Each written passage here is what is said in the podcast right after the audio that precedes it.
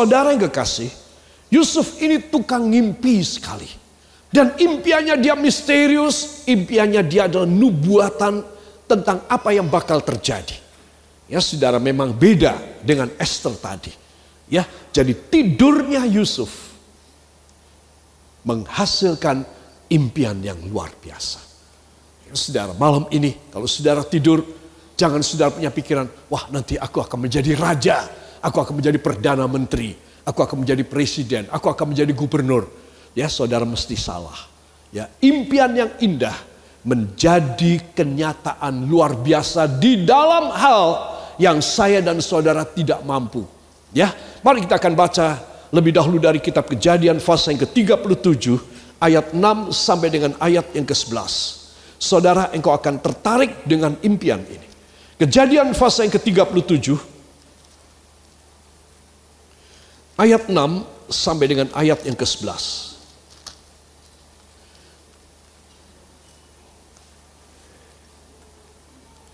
Kejadian fase yang ke-37 ayat 6 sampai 11 ya. Saya akan bacakan saja saudara menyimak Alkitab. Dalam ayat yang ke-6 Yusuf menceritakan pada satu pagi kepada kakak-kakaknya dan ayah ibunya. Coba dengarkan mimpi yang kumimpikan ini. Tampak kita sedang di ladang mengikat berkas-berkas gandum Lalu bangkitlah berkasku dan tegak berdiri. Kemudian datanglah berkas-berkas kali kamu sekalian mengelilingi dan sujud menyembah kepada berkasku. Lalu saudara-saudaranya berkata kepadanya, apakah engkau ingin menjadi raja atas kami? Ini pada saudaranya semua lebih tua, dia paling muda, ya, dia masih kanak-kanak. Apakah engkau ingin berkuasa atas kami? Jadi makin bencilah mereka kepadanya karena mimpinya dan karena perkataannya itu. Ayat 9. Lalu ia memimpikan pula mimpi yang lain. Wah tukang mimpi anak ini. Yang diceritakannya kepada saudara-saudaranya katanya. Aku bermimpi pula tampak matahari, bulan, dan sebelas bintang sujud menyembah kepadaku. Saudara yang kekasih, apa maksudnya? Matahari, bulan, ya. Matahari itu adalah ayahnya, bulan adalah ibunya, ya. Bulan, ya, ibu Lani, ya.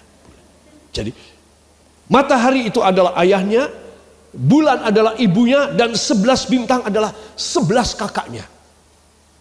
Wah, tendensius sekali ini mimpi. Mesti ngarang ini. Saudara, padahal dia mendapat dari Tuhan. Dia tidak ngarang. Tetapi karena dia orangnya, anaknya ini saking jujurnya.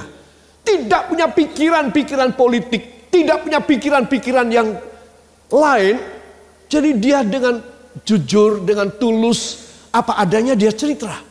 Tapi ini menimbulkan kejengkelan dan kebencian dari kakak-kakaknya. Bahkan ayah ibunya juga tersinggung.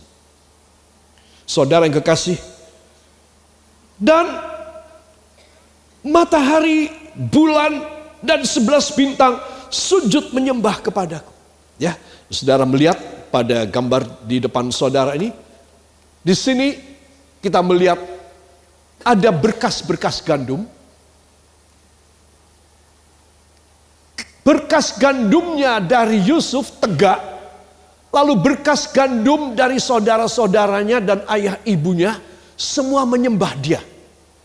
Ya, ini mimpi pertama. Mimpi yang kedua, matahari, ini apa? Ya, ini gambaran, ya. Ini apa? Gambar matahari. Lalu di sini bulan dan di bawah ini apa? Sebelas bintang. Semua datang kepada dia dan sujud di muka dia. Saudara, wah semua pada marah. Semua pada jengkel. Ini anak Kok kurang ajar ya, saudara. Tetapi sesungguhnya ini mimpi yang indah. Ya saya berharap saudara tidak bermimpi demikian pada malam ini. Tetapi coba lihat jauh ke, de ke depan secara rohani. Apa sih yang Tuhan mau beri kepada saudara kepada saya? Semua katakan, kuasa memerintah. Ini yang Tuhan mau beri. Kita tidak memerintah saudara kita. Kita tidak memerintah orang tua kita. Tapi kuasa memerintah segala macam roh penderitaan. Kuasa iblis. Hambatan dan rintangan. Saudara punya kuasa untuk menaklukkan itu semua. Dan apa yang terjadi? Mimpi yang merupakan nubuatan dari Yusuf ini benar terjadi. Ketika di Kanaan ada bahaya kelaparan, hampir mati semua kakak-kakaknya datang belanja beli beras, jagung, dan gandum ke Mesir. Dan semua kakaknya sebelas orang menyembah di depan dia. Kakaknya tidak tahu bahwa yang disembah Perdana Menteri Mesir ini adalah siapa? Yusuf. Kejadian apa tidak? Kejadian. Jadi saudara mesti tahu bahwa seorang dia memimpikan indah itu apa? Kalau saudara ingin impian yang indah adalah saudara harus minta supaya saudara menjadi pemenang. Engkau menguasai pekerjaan iblis. Pekerjaan kuasa kesusahan. Penderitaan. Mimpi yang buruk. Daripada aku bermimpi buruk. Aku mau bermimpi yang indah. Amin. Itulah yang menjadi kehendak Tuhan. Makanya dari mulut dan hati kita tidak boleh keluar perkara-perkara yang kotor, perkara-perkara yang negatif, perkara-perkara yang sia-sia dan duniawi. Dari mulut dan hati kita harus keluar perkara-perkara rohani. Sehingga terbawa pada mimpi yang indah. Dan Tuhan melihat anakku, kamu hebat. Kamu hidup dalam dunia yang kotor, yang najis, yang penuh dengan keduniawian. Namun kau tetap bisa mengeluarkan perkataan-perkataan yang mulia yang memuliakan aku, perkataan yang kudus, perkataan iman, perkataan penuh pengharapan, perkataan yang menengking setan dan iblis. Anakku, aku akan menjadikan impian yang indah menjadi kenyataan dalam hidupmu. Saudara, belajar. Jangan apa-apa bangun tidur ibu atau bapak atau anak-anakku yang masih muda selalu mengeluh berkeluh kesah. Baru bangun sudah berkeluh kesah. Baru bangun sudah berantem. Ya kalau saya tanya, ayo siapa di sini? Mesti ora aku. Ya, tetapi saudara kiranya menyadari diri sendiri. Iya, aku sering kali mengeluarkan kata-kata tidak baik. Mimpi Anda buruk. Tapi keluarkan kata-kata iman. Kata-kata pengharapan. Kata-kata yang penuh dengan kuasa. Dari sejak anak-anak remaja sudah mengeluarkan kata-kata yang penuh dengan kuasa. Saudara hebat loh, hasilnya luar biasa. Ya itu sebab dibuang semua perkataan sia-sia. Katakan dalam nama Yesus, malam hari ini demi meraih impian yang indah, saya membuang semua perkataan yang tidak baik. Saya disucikan oleh firman dan darah Yesus. Sehingga perkataan saya menghasilkan impian yang indah dan impian yang indah menjadi kenyataan dalam nama Yesus. Amin. Jangan keluar dari mulut kita. Jangan terinspirasi ide-ide atau segala ide-ide dalam pikiran kita yang tidak baik. Itu menghasilkan mimpi yang buruk. Tapi kalau saudara ingin mimpi yang indah, keluarkan dari mulut saudara perkataan-perkataan yang membawa berkat buat orang lain. Ya, kalau ketemu orang bagaimana saudara? Ya, wah piye kue saiki kok wis tua jadi elek saiki ya. Kue kok gendut piye to? Padahal saudara tahu wanita itu jangan dibilang gendut sekalipun dia gede bilanglah bahwa dia langsing dan very slim. Ya, betul loh ya. Ibu-ibu betul ya, wanita betul ya. Paling tidak suka. Betul ya, Mbak Endang? Betul. Ya, pasti. Kalau laki sih masih tidak sebegitu, tidak sakit hati. Ya, kalau saudara berani bilang begitu pada wanita, dia bisa tiga tahun tidak lupa. Jadi sebaiknya harus dijaga kata. Ya. Keluarkan kata-kata yang baik Ya, ketemu walaupun dia kelihatannya, waduh kayak apa besar banget ya. Ya, oversize-nya luar biasa. Tapi katakan, wah ya ibu seger ya. Aku senang ketemu, ketemu ibu ya. Selalu langsing dan ramping gitu. Ya, beda, beda. Nanti ya, wah aku ketemu dengan uh, Om Roy kok aku dibilang langsing ya. Wah itu karena dia hamba Tuhan akan terjadi demikian. Ya, jadi harus belajar demikian. Keluarkan kata-kata yang menyenangkan orang. Ya, puji Tuhan. Mau demikian? Saudara, engkau akan dikasih impian yang indah dalam hidupmu. Coba lihat anak muda ini, anak remaja ini. Mana dia kepikiran. Jadi ketika dia dibenci, dia kaget. Aku kok dibenci dengan mimpian? impianku. Aku tidak pernah berencana. Kok aku dibenci? Saudara, kebencian itu memuncak.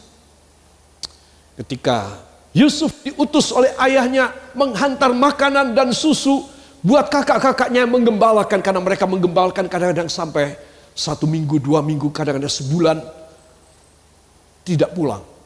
Ya saudara. Dan ketika Yusuf menghantar makanan dari orang tuanya buat kakak-kakaknya, dia benar-benar mau dihabisin oleh kakak-kakaknya. Dia tidak mengira sama sekali. Tetapi impian dia adalah impian yang indah. Dia mengalahkan, dia akan memerintah, dia akan menguasai. Itu sebab Firaun dia memberikan cincinnya Tadi Haman menerima cincinnya untuk berbuat jahat. Saudara, Firaun memberikan cincin meterainya kepada Yusuf. Dan Firaun berkata pada semua pegawainya, beri dia pakaian ranking dua.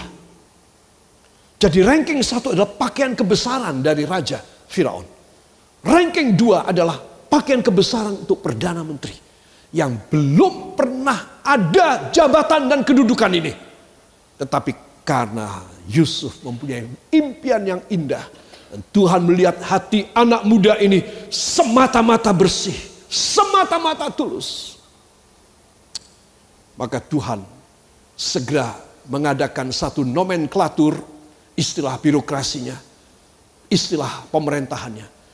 Nomenklatur adalah satu jabatan dan posisi termasuk gaji. Dari satu kedudukan yang belum pernah ada di negeri Mesir. Karena Firaun itu adalah penguasa tunggal. Masa dia mau kasih pada Perdana Menteri? Tuedeman, orang kedua tidak mungkin. Dia takut dijegal, dia takut dikudeta. Tetapi karena Yusuf, dia mempunyai pikiran yang tulus semata-mata. Dia tidak ingin sesuatu yang lain. Saudara, perhatikan. Ini anak sudah menderita di dalam penjara di bawah tanah. Tidak mengerti dunia luar. Sama sekali tidak ada keinginan seperti anak-anak muda yang lain. Dia terima, dia terima. Gara-gara impianku yang indah, aku mengalami kayak begini. Tapi no problem, tidak apa-apa. Aku tahu Tuhan tetap merencanakan yang indah dalam hidupku. Ini loh saudara. Kalau saudara mempelajari tentang Esther, saudara mempelajari tentang Yusuf, maka harus ada bayar, harus ada berani membayar. You have to pay the price for every good things, for every dream that you dream already. Kalau saudara dan saya membayarnya dengan ketulusan kerendahan hati, kesucian di hadapan Tuhan, kesungguhan hati, kesetiaanmu kepadanya, pengorbananmu kepadanya, engkau tidak akan sia-sia. Tuhan akan membuat satu nomenklatur. Tuhan akan membuat satu posisi. Tuhan akan membuat satu jabatan. Tuhan akan merencanakan satu gaji yang baik buat saudara. Amin. Itu sebab saudara harus belajar. Tulus kepada Tuhan. Nomor satukan kerajaan Allah dan kebenarannya. Maka semuanya akan ditambah kepada saya. Kasihan betul anak muda ini. Bukan keinginannya bermimpi. Saudara kalau saudara nanti malam mimpi, lalu besok pagi ayah saudara atau ibu saudara atau istri atau suami saudara memarahi saudara, kenapa kamu kok mimpi kayak begini? Saudara jawab apa? Iki sing orang waras aku apa dee yo? Wah mimpi aku ndak tahu kok, tahu-tahu mimpi. Para kekasih kalau saudara dan saya berkenan kepada Tuhan, impian dari sorga diberikan. Sekarang sudah bukan Yusuf sendiri yang bermimpi. Tuhan yang memberikan gejala-gejala. Tuhan memberikan ya tips Tuhan memberikan kunci, beberapa kunci untuk dilihat dan dibuktikan kelak kemudian hari oleh saudara-saudara dan orang tuanya Yusuf. Dan itu terjadi. Ya, itu sebab para kekasih mulai malam hari ini Mari jadilah orang yang berkenan kepada Tuhan. Katakan, bila saya menjadi orang baik, saya dibela oleh Tuhan. Tidak ada mimpi yang buruk, kecuali mimpi yang indah. Dan impian tersebut pasti terjadi dalam nama Yesus. Beri tepuk tangan bagi dia. Para kekasih, ada hal yang membuat kakak-kakaknya semua iri hati yang lain. Selain mimpi, yaitu jubah Yusuf. Saudara melihat, ini lukisan dari pelukis yang cukup indah. Lihat jubahnya, ya. Tuh, wow, ya. Seperti pakaian marching band. Ya. Bagus sekali, ya. Para kekasih, katakan mulai malam ini, bukan rencana saya, bukan impian saya, tetapi anugerah Tuhan yang melihat hati saya. Yang percaya beri tepuk tangan bagi dia. Kejadian 50 ayat 20 itu luar biasa. Ya, jadi saya katakan karena dia ini diberi jubah tujuh warna. Saudara, tujuh warna. Betapa indah warna pelangi saudara, maka kakak-kakaknya semua mendelik matanya. Dan semuanya menjadi iri hati dan ingin membunuh dia. Gara-gara jubah yang berwarna-warni mau dibunuh ini anak kecil. Saudara. Sekarang ketambahan lagi mimpi lagi. Aduh sangat tidak etis ini impian. Tetapi karena dia itu anaknya lugu dan tulus dan jujur dia cerita aja. Saudara, lihat. Apa yang dimimpikan dan apa yang keluar dari orang yang tulus dan jujur. Kejadian. Apa yang diimpikan dan yang keluar dari orang yang tulus. Kejadian. Terjadi saudara. Itu sebab apa sih yang diminta oleh Tuhan? Anakku serahkan hatimu kepadaku, kata Tuhan. Sudah. Kalau saya dan saudara menyerahkan hati kita kepadanya, izinkan Tuhan mengoreksi dan mengisi dan memeriksa isi hati kita.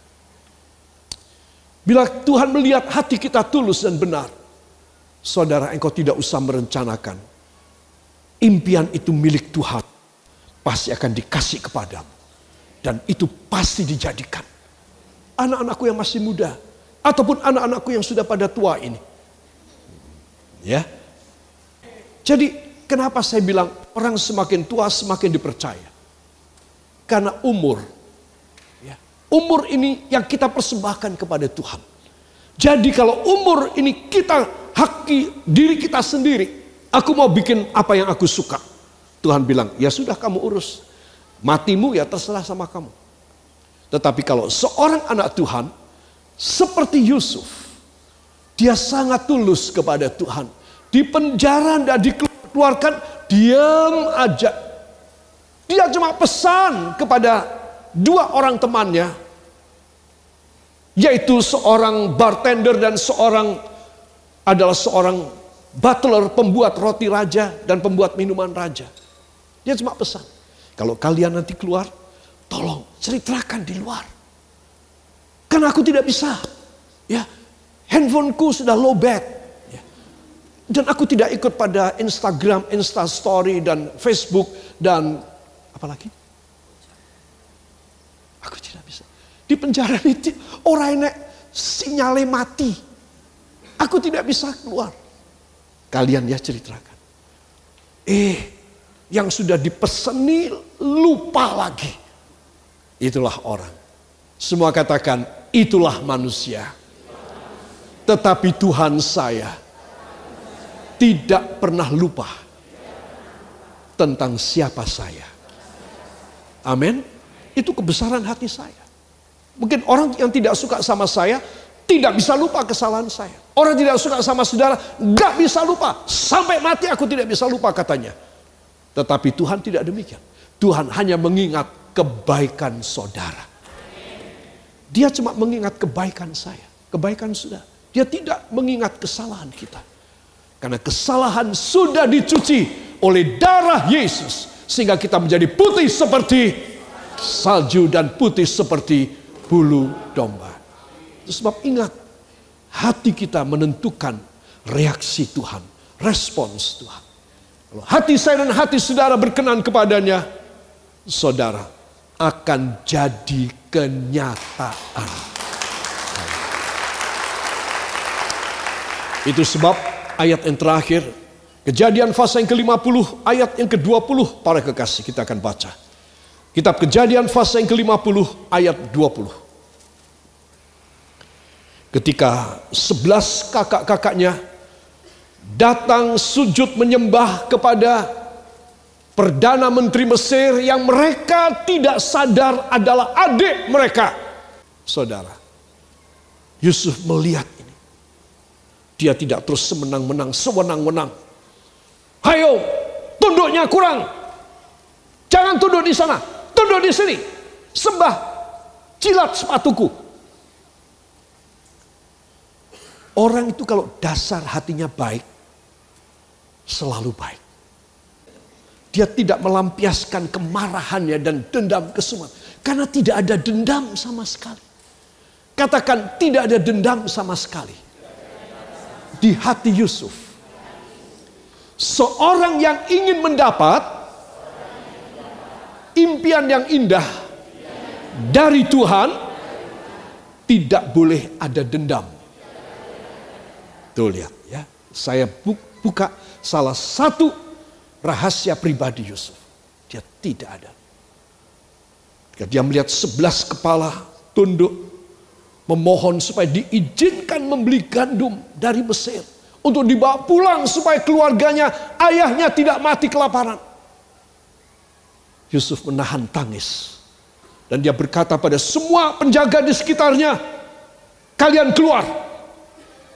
Aku mau bicara kepada mereka." Dia berkata dalam bahasa Mesir sehingga kakak-kakaknya tidak tahu. Ruangan itu steril. Hanya sebelas kakaknya, hanya sepuluh kakaknya dan dia sendiri. Kunci semua pintu. Dan dia mendekati mereka dan berkata, kalian berdiri semua. Akulah Yusuf yang kalian jual. Akulah Yusuf. Semua pucat pasti. Semua ketakutan. Aduh, Yusuf menjadi Perdana Menteri Mesir. Sekarang tibalah nasib jelek kita. Kita pasti dipenggal kepalanya semua. Tidak. Dia berkata, berdirilah. Aku kangen sama kalian. Dan dia menghak dan dia memeluk semua kakaknya dan dia menangisi mereka dan mereka bertangis-tangisan. Coba. Lihat. Saudara bisa melakukan demikian? Saya tidak yakin. Hanya seorang yang tidak ada dendam kesumat dalam hatinya. Menerima impiannya menjadi kenyataan dari Tuhan. Selama saya dan saudara masih ada dendam kesumat. Selama saya dan saudara masih menyimpan kesalahan orang lain. Engkau bermimpi buruk saja. Yang engkau coba untuk menutupi dan memasang topeng, kosmetika, lipstick di depanmu sebenarnya engkau bermimpi buruk. Itu sebab seorang anak Tuhan, dia harus mempunyai hati yang tulus dan benar di hadapan Tuhan. Hanya Tuhan yang bisa membaca. Tidak ada orang bisa membaca hati saya, hati saudara. Hanya Yesus yang bisa membaca. Roh Kudus yang tahu semuanya. Kalau saya dan saudara mempunyai sifat sedemikian, maka niscaya, katakan niscaya.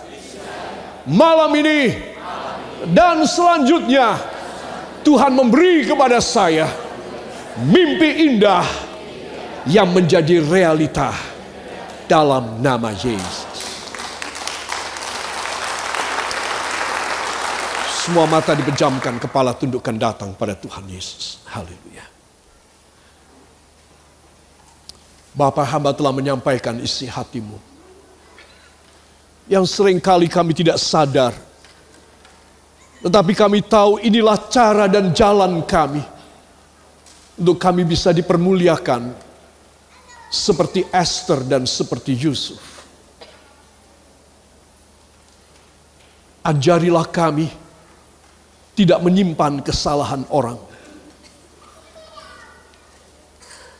Karena kami tahu jikalau kami memaafkan kesalahan orang, maka dosa-dosa kami pun dimaafkan oleh Tuhan.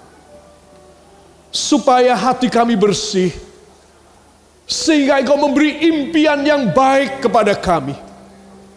Sehingga itu menjadi kenyataan bagi kami. Siapa mau demikian bangkit berdiri? Angkat tangan kanan saudara dan raihlah takhta hadirat Bapa. Taruh tangan kiri pada jantung saudara.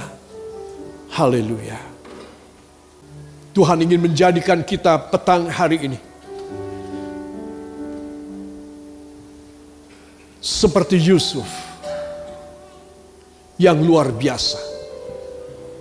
Bisikan doa pribadi saudara.